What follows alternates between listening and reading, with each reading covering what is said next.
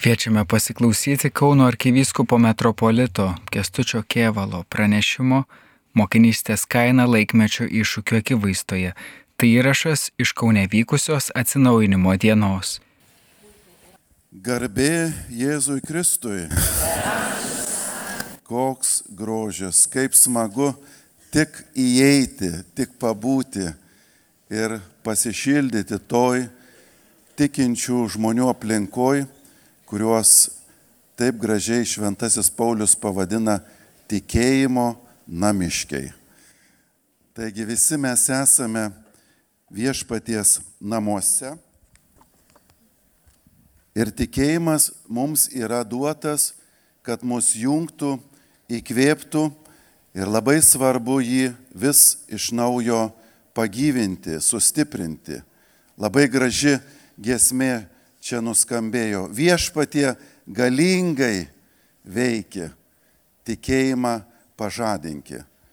Atsinaunimo dienų tradicija yra nuostabi tuo, kad jinai mus subūrė tam impulsui, tam tokiam padrasinimui. Viešpatie, tu mums duodi gyvenimą, dovanoji tikėjimą, dovanoji brolius ir seseris, kurie mūsų tarpe taip pat eina tuo tikėjimo keliu Ir štai esame vieni kitų pastiprinami, padrasinami. O dar daugiau, tavo dvasia yra mūsų tarpe, kur du ar trys susirenka mano vardu, ten ir aš esu, įsivaizduojat, viešpats jau dabar kitokiu būdu ir vis dėlto labai realiu, galingu yra mūsų tarpe, mums reikia tik tai atverti širdį, jį pajusti o iš tikrųjų tiesiog susirinkti į vieną draugę ir to pasistiprindami eiti į pasaulį. Šiandien, brangieji, buvau pakviestas kalbėti tema mokinystės kaina šiandienos laikmečio iššūkiuose. Ji kalba apie tai, kad mes esame mokiniai, kad mes turime mokinystės kainą ir kad vis dėlto supa mus iššūkiai, kuriuos esame kviečiami įveikti ir tuo būdu sustiprėti. Nes jeigu žmogus neturi iššūkių, jeigu jisai tik tai eina pagal paplūdimį leidžiantį Sauliai ir neturi jokio savo, kaip sako, stipresnio prieštaravimo, jis pradeda išglepti, o kartais, jeigu tai kalbame tikėjimo prasme, net prarasti tikėjimą. Brangieji, šiandien mūsų bendra atsinaunimo diena pavadinta Jėzau, tu mūsų viltis, man jinai labai patinka. Viešpatė, tu mano viltis, tu mano viltis. Kažkada čia gėdojome ir tas skamba toliau per gyvenimą, nes tai yra iš tikrųjų mūsų gyvenimo moto. Prieš savaitę dalyvavau labai įdomioje šventėje. Tėvas Radislavas, brolis redemptoristas, šventė savo gyvenimo jubiliejų. Broliai redemptoristai atvyko į Lietuvą, nuostabi Dievo dovana, negaliu jais atsižavėti. Įsivaizduokit, atvyksta, išmoksta kalbą, čia gyvena ir skelbia gerąją naujieną. Dovanoja savo gyvenimą. Na ir štai šventos mišios, po jų susėdimas, šventė ir aš pasodinamas prie žmogaus, su kuriuo nori, nenori. Vis tiek reikia pradėti pašnekėsi, esame prie vieno stalo, pradedam šnekėtis ir jis taiga sako, pas jūs čia Lietuvoje labai daug Reiner lėktuvų, At, tik atskridau iš e, Anglijos, visas areuostas tik Reiner lėktuvai. Sako, aš mokinausi su tuo žmogum, kuris įkūrė šitą kompaniją. Vadovas. Įsikalbam, jis mokinosi ekonomikos mokykloje, buvo tarp tų, kurie pasaulį padarė didelius verslus. Na ir žinot, kaip būna tokiuose pokalbiuose.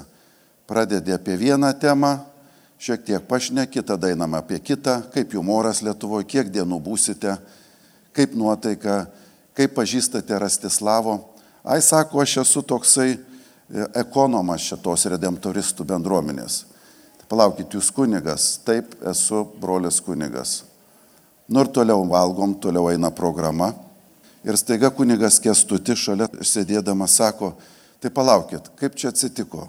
Jūs tokioj čia mokykloje iškilmingoje mokinatės ekonomikoje ir dabar jūs esate kunigas, redemptoristas, vienuolis. Tai kokia jūsų istorija? Ir įsivaizduojat, staiga to žmogaus akis sužimba. Žinot, būna toksai elementarus pokalbis, būtinis ir staiga pradeda šviest. Iš karto supratom, kad užkabinom jo gislelę, kaip sakant, meilę. Ir jis pradeda neįtikėtiną istoriją apie save. Jisai buvo vieną kartą humanitarinės pagalbos sudane dalyvis, kadangi universitetas siūsdavo, paskui prasidėjo verslai, vienu žodžiu norėjo padaryti kažką gero, prisidėti prie pasaulio teisingumo ir ten Sudane pateko į didžiulius išbandymus, karo stovis, net žmonių žūtys ir sako, tokia įtampa, tokia baisi suirutė, kad mums vakariečiam pasiūlė iš karto palikti kraštą, palikti šito žmonės. Ir aš sako, žiūriu juos, o jie visi, na sakytume, tokioj ramybei. Tokia drama aplinkui, toks išbandymas, tokia kančia. O jie kažką turi, sako, ko aš neturiu. Tada jis įsidrasino paklausti, o tai kaip jūs nepanikuot, kas jumise tokio, kad jūs turite tos jėgos. Staiga viena moteris sako, mes melžiamės viešpačiui ir mus jis sustiprina. Nu, žinot, sako, aš pradžioje, kai išgirdau tą, jo, jo, supratau, jo, ten jūs viešpačiui melžiatės, žinai, čia išmoktas tekstas. Kitai žodžiais tariant, visi taip sako. Ir tada jis paklausė, o tai ką jūs darote, kad jūs melžiatės, kad jūs tikit. Sako, mes skaitome šventą įraštą. Gal jūs norit paskaityti, pavartyti pagaliau? Sako, nu gerai, duokit. Ilga istorija trumpai, įsivaizduokit, jis atsiverčia, jis perskaito ir staiga, jeigu būtų toksai pasaulis, kokį siūlo viešpats Jėzus, čia būtų nuostabu čia būtų neįtikėtina. Ir jo širdis, kuri taip natūraliai linko į gėrį ir norėjo padovanoti žmonėms džiaugsmą, pagalbą, staiga atrado šaltinį. Pirma, kodėl tą daryti. Antra, jau tai buvo darimo. Trečia, ta misija eina per pasaulį, per bažnyčią, kuri yra viešpaties bendradarbiai jo mokiniai ir tu taip daryk. Įskaitęs tuos žodžius, jisai pradeda apmąstymo kelionę, tampa broliu redemptoristu, baigė seminariją, tampa kunigu, šiandien viso pasaulio redemptoristų yra tas, kuris rūpinasi finansais, vadinamas ekonomu. Tai žmogaus istorija, kurią jis papasakojo tokiom degančiom akim, kurių negaliu pamiršti. Ir žinot, ką pagalvojau? Mes visi turim šitą istoriją. Pas mus reikia tik truputėlį pakrapštyti ir dega akis. Mums reikia tokių aplinkų, tokio susitikimo, tokio, sakyčiau, vienas kito, net pažinimo pasitikėjimo, kad mes pradėdami kalbėtis, mes turime brangiai galę iš aukštybių. Jūs ir aš per sakramentą krikšto, per sutvirtinimo įtvirtinimą tos malonės turime galę. Ir kai susirenkame čia, kai ateiname į šventasias mišes, kai dalyvaujame įvairioj veikloj, mumise ta gale tarsi aktyvuojasi. Jis išlaisvinama, jinai tampa veikli, matoma. Ir čia šiandien atrodo reikalingas toks išlaisvinimas mūsų krikščionių bendruomeniai, mums, kurie vadinamės tikintieji, nes esame įsigandę, suglumę, nusiminę, nuliūdę ir kartais sakome, o dangau, nieko gero čia nebus. Mus taip pat pagauna pasaulio dvasia, kuri mus spaudžia nusiminti. O vis dėlto viešpaties žodžiai yra neįtikėtini. Nebijokite, aš nugalėjau pasaulį. Jūsų priespauda laukia, jo aš neįvinioju vetą. Nebus tik pasivaikščiojimas po pablodimi.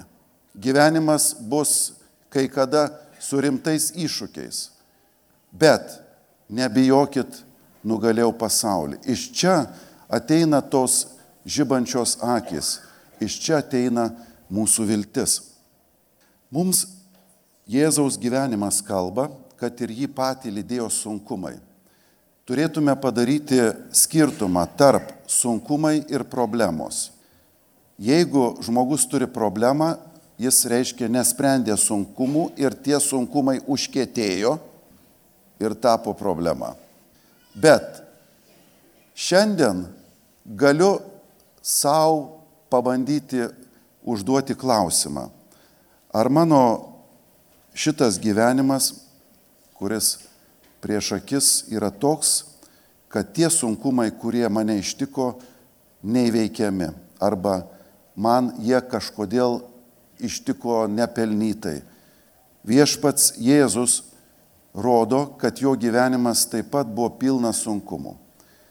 Nesupratimas jo artimiausios aplinkos mokinių, tada tiesos skelbimas su didžiausiu prieštaravimu ir jo istorija eina per kryžių, kurisai tampa tiesos kankiniu. Taip, ačiū Dievui, prisikėlimas yra pagrindinė žinia, bet ėjimas į tai vis dėlto yra su išbandymu. Ir kad mes turime iššūkius, išbandymus, mes neturime įsigasti ir nusiminti, tai yra tikinčio žmogaus įprasta būsena, kurio kelioniai yra neišvengiama.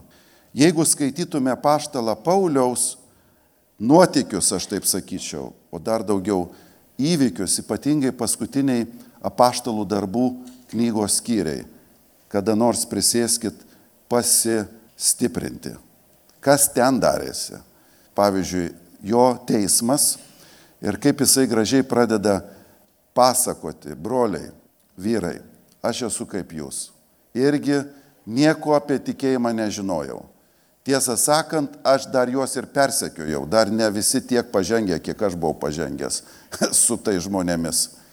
Ir žinot ką, mane ištiko susitikimas su viešpačiu. Aš buvau pagautas, mane jisai suviliojo, patraukė ir aš dabar negaliu jo neliūdyti. Jis prisikėlė iš numirusių. Ir tada toj auditorijoje nu, tai mums pažįstamas, kada štai pasakojant kyla įtampa iki tokio lygio, kad klausytojai sako, žiūrėk, blogai, tu išės iš proto. Aš labai atsiprašau, tau ne visi namie. Jam tai paaiškinant, Festas garsiai sušuko, Pauliau, tu iš galvos kraustaisi. Iš didelio rašto išėjai iš krašto. Paulius atsiliepė, ne, nesikraustau iš galvos prakilnusis Festai bet kalbu tiesos ir sveiko proto žodžius. Šios dalykus žino karalius, kuriam aš taip atvirai kalbu. Esu tikras, kad iš viso to jam nieko nėra nežinomo. Joba, kad šitai dėjosi ne kur nors užkampyje karalio gripa. Ar tiki pranašais? Aš žinau, kad tiki. Svaizduojat, jisai kalba su karaliumi kaip su savo bičiuliu, draugu. Žiūrėk, dar įtikėsi po mano kalbos.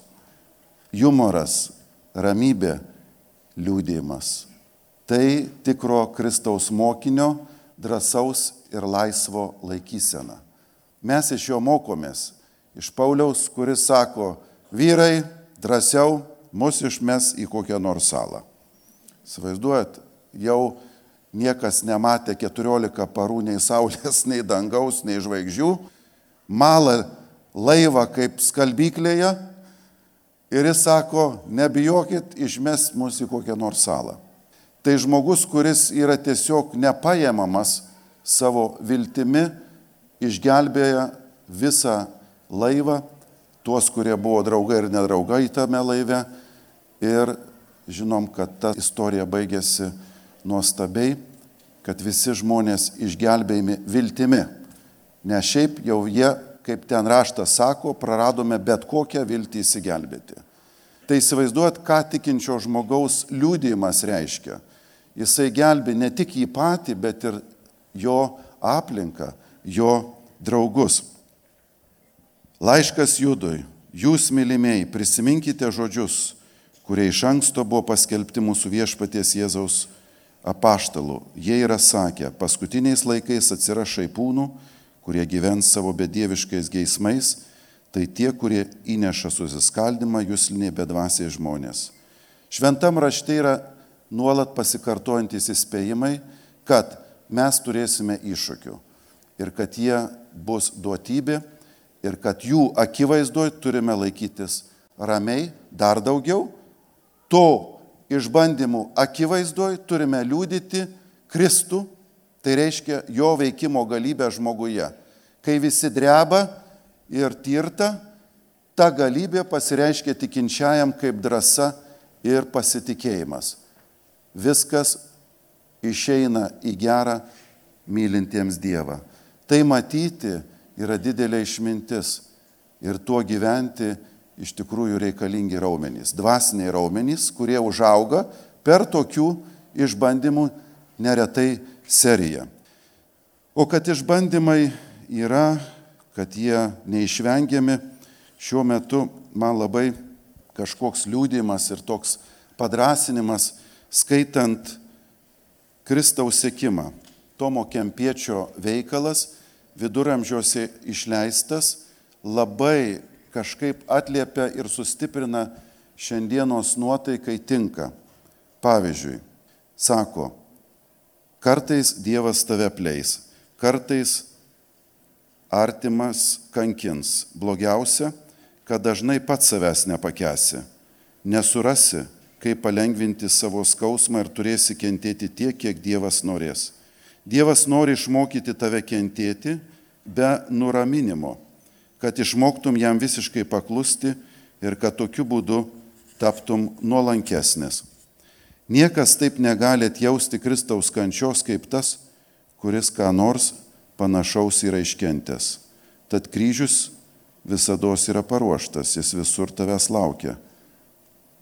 Nors kažin kur eitum, vis tiek nuo jo nepabėgsi, nes visur save nusineši ir visur save rasi. Ir toliau keletas minčių. Jei tau kuriam laikui leidžiu kokį nemalonumą, nebepaguodžiu, nemany, kad tave visai apleidau, nes tik šituo keliu einama į dangų. Tau ir visiems mano tarnams naudingiau patirti nepasisekimų, negu niekada nesutikti jokio pasipriešinimo. Nu, žinot, pasiutimas. Naudingiau sutikti nepasisekimų ir kliučių. Aš pažįstu tavo širdies paslaptis ir žinau, kad tau kartais naudinga kesti širdies sausrą, nes kitaip galėtum pakilti puikybę, save laikyti geresniu, negu iš tikrųjų esi. Ką aš daviau, galiu atimti ir vėl gražinti, kada man patiks. Ką aš duodu, man ir priklauso. Ką aš paimu, ne tavo paimu nes iš manęs eina visoks gėris ir visokia tobula dovana. Jei tau siunčiu kokį skausmą ar prieštaringumą, nemurmėk ir neliūdėk, nes vienu akimirksniu aš galiu atimti iš tavęs naštą ir liūdėsi paversti džiaugsmu. Jei aš ir taip elgiuosi su tavimi, aš esu teisingas ir vertas pagarbos. Noriu sakyti, tai Dievo žodis. Bet Tomas Kempietis, ne? ponai, ramiai, aš esu aš, o jūs esat jūs. Kažkada vienoj klinikoje einu per ligonius, čia teko atlikti praktiką Amerikoje, klinikinė pastoracija. Nu ir žinot, eini, kalbini žmonės įvairūs, labai įdomu kartais pasišnekėti. Nu ir viena moteris, prisistačiau, kad aš esu seminaristas, sako, eiktų seminaristas. Tai čia tu jau kunigu atseit būsi. Sakau, nu tai taip, o ką? tai tu jau čia laikysies celibato, jau čia, reiškia, be šeimos gyvensi, jau čia toksai jau tu būsi. Jis pradėjo, nu taip, mesti į mano, kaip čia pasakyti, lauką mintis, kur o dangau.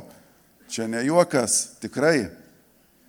Bet aš susikaupiau ir jai sakau, žinot ką, aš noriu būti kaip Jėzus.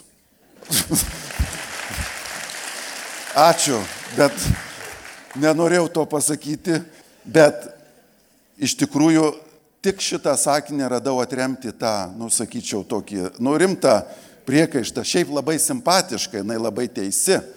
Kuo toliau einu per gyvenimą, tuo labiau žinau, kad jinai teisi. Bet kai aš jai tą pasakiau, žinot, ką jinai sako, nesupyko ir sako, Jėzus yra Jėzus, o tu esi tu. Ir vėl tiesa, žinot, būt kaip Jėzum iš tikrųjų žmogų yra neįtikėtinas iššūkis. Bet kaip ten bebūti, Jėzaus pagrindinė misija buvo pakvies mus būti kaip jis. Kitaip jis būtų mūsų neerzinęs, jeigu taip sakytume būkite tobuli, kaip ir mano dangiškasis tėvas yra tobulas. A tu juokauji viešpatė, tobuli kaip dangaus tėvas. Tu nejuokauk, tu turi reikalą su pasiutiškai trapiu žmogum. Jisai čia sako, noriu būti kaip Jėzus ir viską atvirkščiai padaro iš karto. Ir vis dėlto, brangiai, tas paliktas mums kvietimas, nu jis yra neįtikėtinas, tai yra uždavinys. Aišku, Tai yra ir mokinystės kaina tame. Noriu jums, brangieji, pacituoti, o gal net priminti antrosios karalių knygos vieną aprašą, kuris, nu kažkaip man nuskambėjo šiuo metu visiškai kitaip. Situacija yra tokia. 16 karalių judo jau yra buvę prieš tai ir jis yra karalius nuo aštuonių metų, nes jo tėvas dvariškių yra nužudytas ir tampa karaliumi kaip vaikas, karalius Jošijas ir karaliauja ilgai. Istorija sako 640-609 metai prieš Kristų jo yra karaliavimo laikas. Ir štai situacija yra tokia, kad viskas yra nučiuožę į apačią nuo tų karaliaus Davido ir Saliamono laikų, kur buvo Izraelio tautos pakilimas visais atžvilgiais. Ir žiūrėkit, koks tekstas įdomus šitame laikotarpyje, kai šis karalius Jošijas vadovauja. Štai ištrauka iš antros karalių knygos 22 skyriaus. Vyriausiasis kunigas Hilkijas tarė raštininkui Šafanui, radau, įstatymo knygą viešpaties namuose. Hilkijas padavė knygą Šafanui ir šis perskaitė ją. Tada raštininkas Šafanas nuėjęs pas karalių pranešė, tavo tarnai supylė viešpaties namuose rastą sidabrą ir atidavė jį į rankas darbų prižiūrėtojams atsakingiams už viešpaties namus. Be to, raštininkas Šafanas karalių pasakė, Kunigas Hilkijas davė man knygą, Šafanas ją garsiai perskaitė karaliui. Pirmiausia, vaizdelės įsivaizduokit. Izraelio tauta, kurią mes laikom, nu kaip čia pasakyti, Izraelis, šventa tauta, šventa rašta rašė, jie atranda knygą. Mozės įstatymą, kitai žodžiais tariant, penkia knygė. Ir ta knyga, kur jinai ten buvo slėpta, kas ją žino, bet krašte didelis įvykis atradus knygą. Ja perskaito karaliui. Įsivaizduokit jo reakciją į tai. Išklausęs įstatymo knygos žodžių, karalius persiplėšė drabužius, įsakė kunigui Hilkijui, Šafano sūnui, Ahikanui, Mikajo sūnui, Abhorui, raštininkui Šafanui ir karaliaus tarnu Esai, tardamas Eikite pasiteirauti viešpaties mano labui, žmonių labui ir viso judo labui apie šios atrastos knygos žodžius. Nes viešpas iš tikrųjų turi nesitverti iš pykčio ant mūsų už tai, kad mūsų protėviai neklausė šios knygos žodžių ir nevykdė visą, kas apie mus parašyta. Staiga jam nušvinta. O viešpatė, tai kaip mes gyvenam skirtingai, negu toj knygoje yra parašyta ir įsakyta. O tas aplink gyvenimas buvo stabmeldystė, paleistuvystė, žudynės, įvairiausia neteisybė krašte, galop siaubingi papiktinimui viešpačiui, nes atkritimas tiesiog masinis iki tokio lygio, kad net nežinom, kad knyga yra. Baigėsi tuo, kad karalius pašaukė, visi susirinko Judo ir Jeruzalės seniūnai, nuėjo į viešpaties namus, kartu su juo ėjo visa Judo žmonės, visi Jeruzalės gyventojai, kunigai, pranašai, visi žmonės, jauni ir seni. Visiems girdint, reiškia, buvo sušaukti žmonės dėmesio, įvykis, radom knygą, prašau klausytis. Visiems girdintis perskaitė visą viešpaties namuose atrastą sandoros knygą. Karalius stovėjo prie stulpo ir sudarė sandorą viešpaties akivaizdoje, sekti viešpatį, laikantis jo įsakymų, įsakų ir įstatų, visa širdimi ir visa gyvastimi vykdant įrašytų šioje knygoje šio sandoro žodžius. Visi žmonės įsipareigojo sandorai. Brangieji, šiandien, manau, yra kažkuo panašus laikas. Mes turime atrasti lobį, kurį turime vakarų pasaulyje šiandien atrodo įsikvėpęs tikėjimas, kuris statė katedras, statė universitetus, statė įstatymo valdžią, pagaliau kultūrą ir civilizaciją. Kur tų žmonių entuzijazmas, kurie, pavyzdžiui, statė Kielno katedrą 600 metų. Įsivaizduojat, tie, kurie darė pamatus, jie nieko nematė, tik dumblą ir ir, ir molį. Šitie žmonės turėjo nepaprastai karštą širdį. Ji yra mumise, ji yra bažnyčioje, ji yra tikinčio žmogaus dovana. Šiandien sustiprinti tikėjimą tai reiškia gelbėti šiandienos kultūrą, šiandienos nuotaiką, šiandienos visuomenę. Ir mes esame pašaukti šitai misijai, nes kitaip žinome, kad bus blogai. Nereikia didelio įsilavinimo apie tai.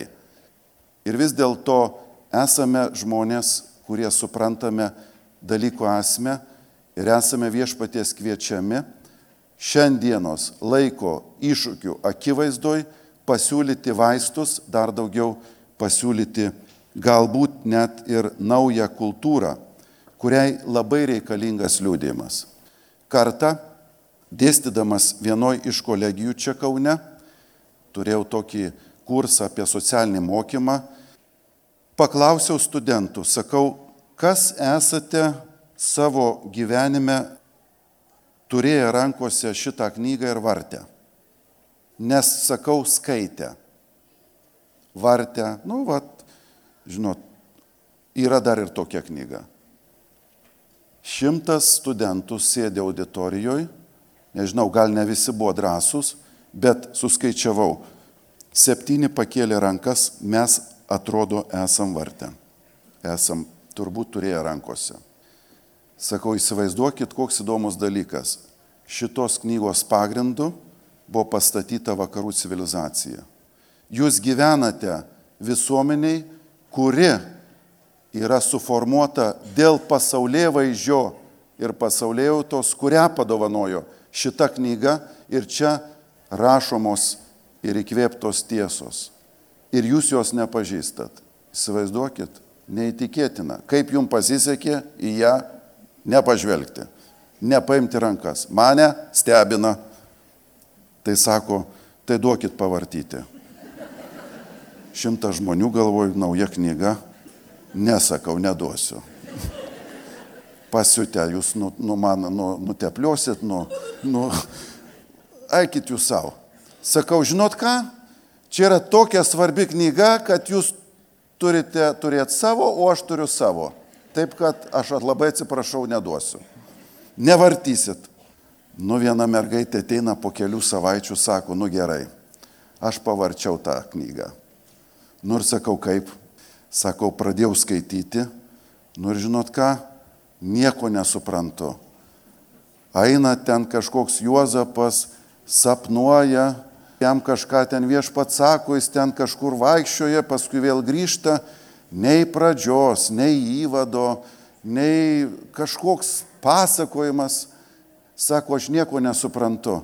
Galvo, o dangau viskas. Nusivil žmogus, nutrenks, baigta, praras tikėjimą, išganimą. Sakau, vaikeli, skaityk ir nesustok. Tau prašviesės. Tu vieną kartą pamatysi staiga 3D vaizdą. Žinot kaip, žiūri tokį paveikslą, tik spalvos. Tik spalvos, spalvos, staiga. Uuu, staiga nušvinta. O dangau čia pasirodo yra rimtas paveikslas, tai su šventu raštu yra panašiai, atrodo ir su tikėjimu yra panašiai, tas 3D. O kad mes turime savo tarpę šitą aplinką, jinai yra tiesiog neįtikėtina. Kitam universitete dėstau ir žinot, jau čia galvoju universitetas, naudoju tarptautinius žodžius, pavyzdžiui, popiežiaus enciklika. Jinai rašo tokį ir tokį dalyką. Ir staiga man balselis kažkoks sako, tu paklausk, kas yra ta enciklika Dar, žinai ką, tu paklaus, kas tas popiežius. nu, sakau, o, o, o tarp mūsų kalbant, gal žinot, kas nors popiežiaus vardą? Tuo metu dar buvo popiežius Benediktas. Ir visas tas 40 žmonių būry sukluso. Sakau vardą, gal kur Delfi skaitėt, gal kur matėt. Nu, sako, ne, neatsimenam, ar Jonas, ar Paulius. At, iš kažkuris iš tų vardų. Ir čia yra studentai, įsivaizduoju, čia mūsų nu, jaunimas, čia yra tikrai simpatiški jauni žmonės siekintis aukšto mokslo. Tai vad mes esam tokiam lygi. Aš galvojau, kad bent Delfi žmonės paskaito, kad popiežius yra nekreipia dėmesio, įsivaizduokit, žmonės nekreipia dėmesio į tokį lygį, kad tikrai mes tikėjimo nepažįstam. Dar daugiau mes apie jį galvojame taip, kad viską žinom. Ir ten nieko nėra man ką daugiau suprasti, dėl to, kad ai ten jie. Tai mums kaip žmonėms, kurie turime tikėjimą, yra didelis iššūkis jį liūdyti. Šiandien pasaulyje yra trys labai galingi iššūkiai. Pirmas iššūkis tai yra tiesos problema. Daug žmonių tiesą sakant, gyvena pasaulyje tokiam, kur galvoja, kad aš turiu savo tiesą, o jūs turėkite savo tiesą. Gerai? Prašau manęs tik nejudinti, aš jūsų nekabinu ir jūs manęs nekabinkit. Vadinamas tiesos relativizmas, kur visos tiesos yra vienodai lygios, vienodai svarbios ir baigėsi tuo, kad tiesos tarpusavį pradeda kovoti ir dažnai laimi ta, kurios pusė yra ginklų sandėliai. Deja, tokia yra tikrovė. Ir šiandien mes tą matome Ukrainoje, kur paskelbiama tiesa ir staiga tos tiesos pagrindų kabutėse vykdomas teisingumas. Mes suprantame, kad jeigu tiesos samprata nebus iš viešpaties, ji bus iš žmogaus, o tada mes turime pavojų nes žmonių tiesos yra tarpusavį konkuruojančios ir viena kitą, galėtume sakyti, naikinančios. Tai mums šitas iššūkis vakaruose šiuo metu yra sunkiai veikiamas dėl to, kad vakarų pasaulyje labai, na kaip čia pasakius, išaukštintas individualizmas ir kiekvieno savęs samprata yra paskelbiama galutinė tiesa. Tikėjimas mums dovanoja tiesos sampratą, kurie ateina ne iš šio pasaulio. Tuo būdu tarp žmonių įsisteigia vienybė. Mes matome, pavyzdžiui, vakarų pasaulio tą vieningumą, kuris buvo pastatytas ant krikščioniškos tiesos sampratos ir tuo būdu mums pavyko susitarti, kartais net nuraminti karus ir tokiu būdu statyti kultūrą ir civilizaciją.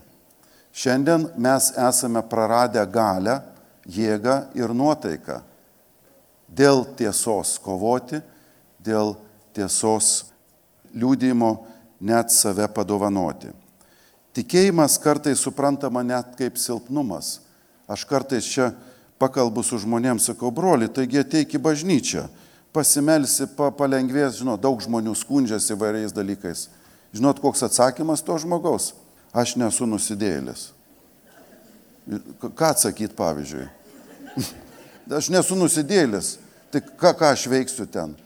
Tai nu, jis teisingai sako, taip, ten visi nusidėliai.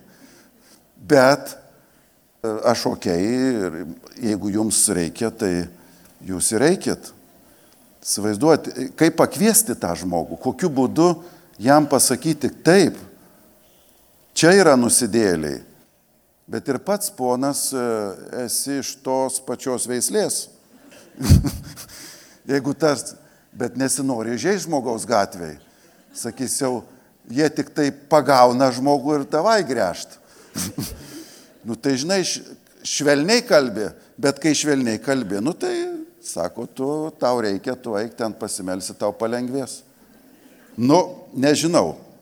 Dažnai atrodo, kad bėda priverčia žmogų ateiti pas viešpatį. Ir, ir tas yra gaila, kad tik tokiu būdu kartai žmogus atranda tikėjimą. Bet net ir toks per bėdą atradimas tikėjimo yra didžiulis laimėjimas žiūrint amžinybės perspektyvos.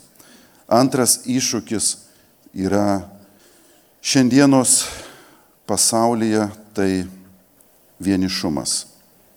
Mes dažnai esame vieni dėl to, kad žinom, kaip reikia gyventi, man nieks kitas nepaaiškins, dar daugiau tampame užsidarę, užsisklendę, nes kitas žmogus dar ko paprašys, jis mano laiką naudoja, jis dar norės kažkokių resursų, kitai žodžiais tariant, aš ok, jūs ok, mes visi ok. Ir baigėsi tuo, kad sugadinam įsivaizduokit savo prigimti. Žmonės pradeda sirgti lygomis, kurioms sunku rasti pavadinimus.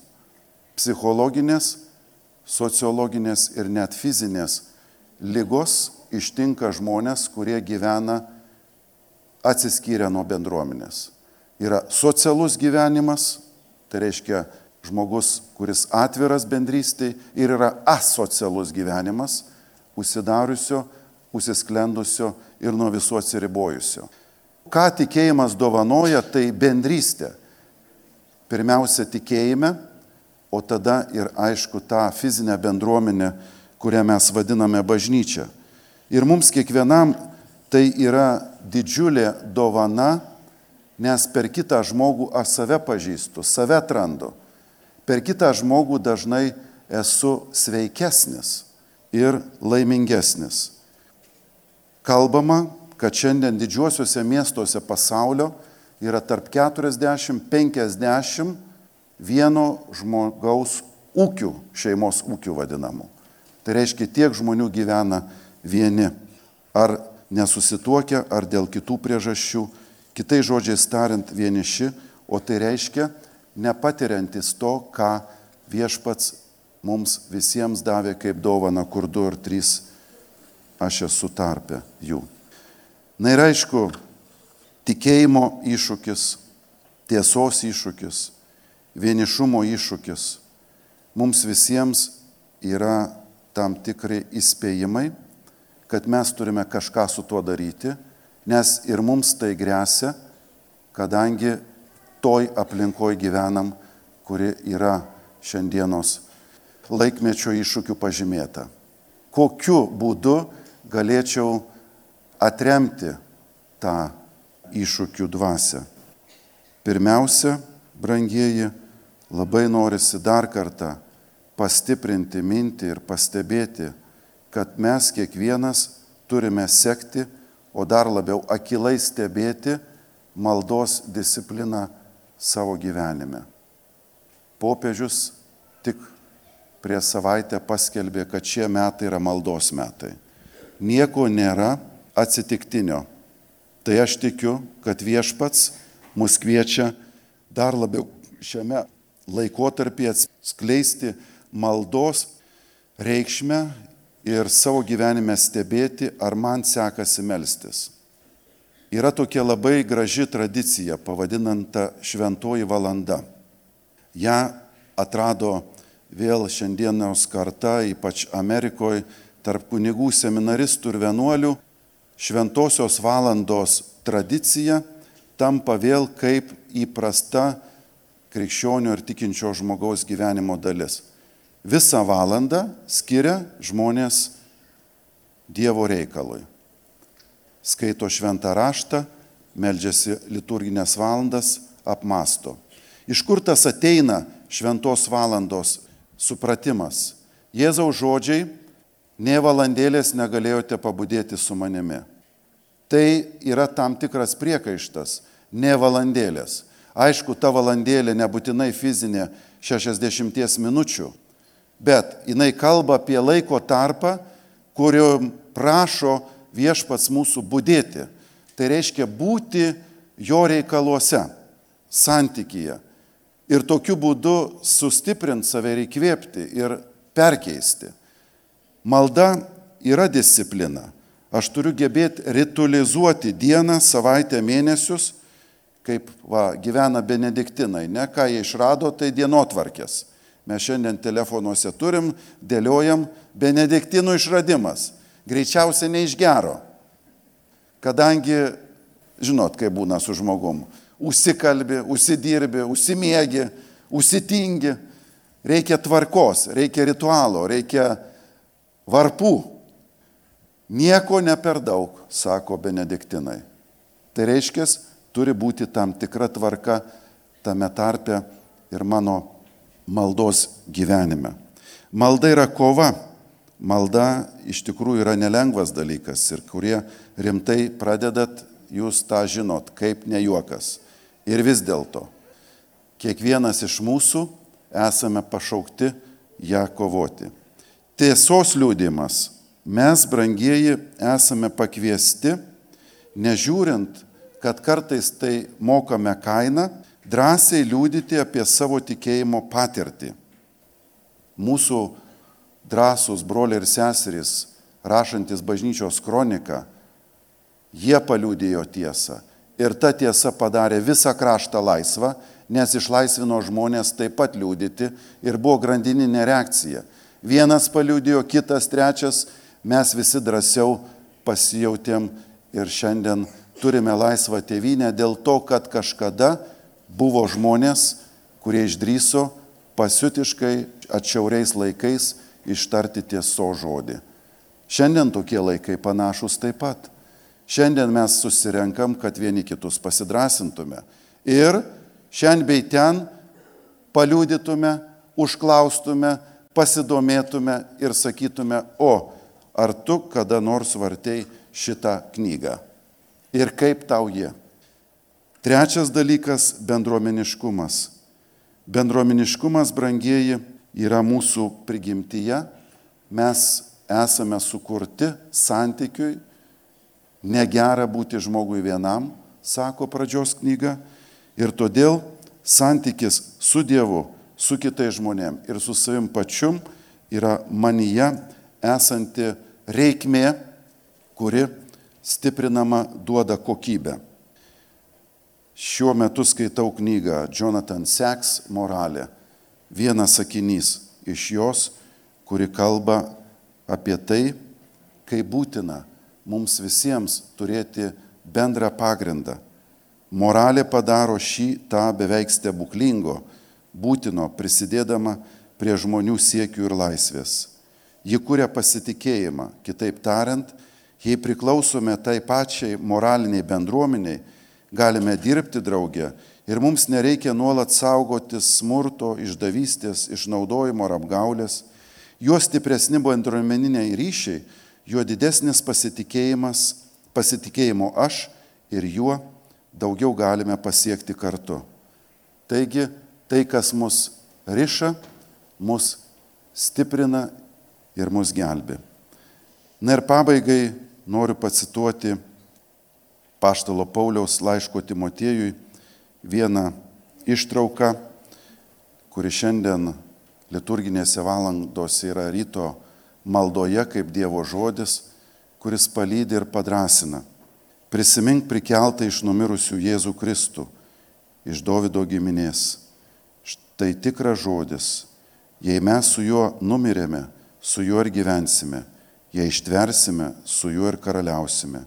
Jei mes jo įsižadėsime ir jis mūsų įsižadės. Bet jeigu mes ir tapsime neištikimi, tai jis lieka ištikimas, nes savęs jis negali įsiginti. Jo žodžiai mūsų vilčiai, padrasinimui, mūsų įstovėjimui laiko iššūkiuose. Nežiūrint, kad turime kai kada ir tiesos, tikėjimo ir bendruomeniškumo iššūkius, jeigu atkreipėme į tai dėmesį, prašom viešpaties pagalbos, mes tampame stipresni, mes liūdėjame gyviau ir mūsų akį žyba, kai mes kalbame apie viešpatį Jėzų, o tada mes stiprėjame kaip bažnyčia, kaip bendruomenė ir kaip visuomenė. Čia yra Jėzaus svajonė ir jo projektas, kad visi taptų viena, kad ta vienybė mus visus stiprintų, keltų, džiugintų, o joje matytųsi ir jis pats, kuris mus pakvietė į šį gyvenimą ir visų laukiam žinybėje. Amen. Girdėjome Kauno arkivyskupo metropolito Kestučio Kievalo mokymą tema Mokinystės kaina laikmečio iššūkių akivaizdoje. Tai buvo įrašas iš atsinaujinimo dienos.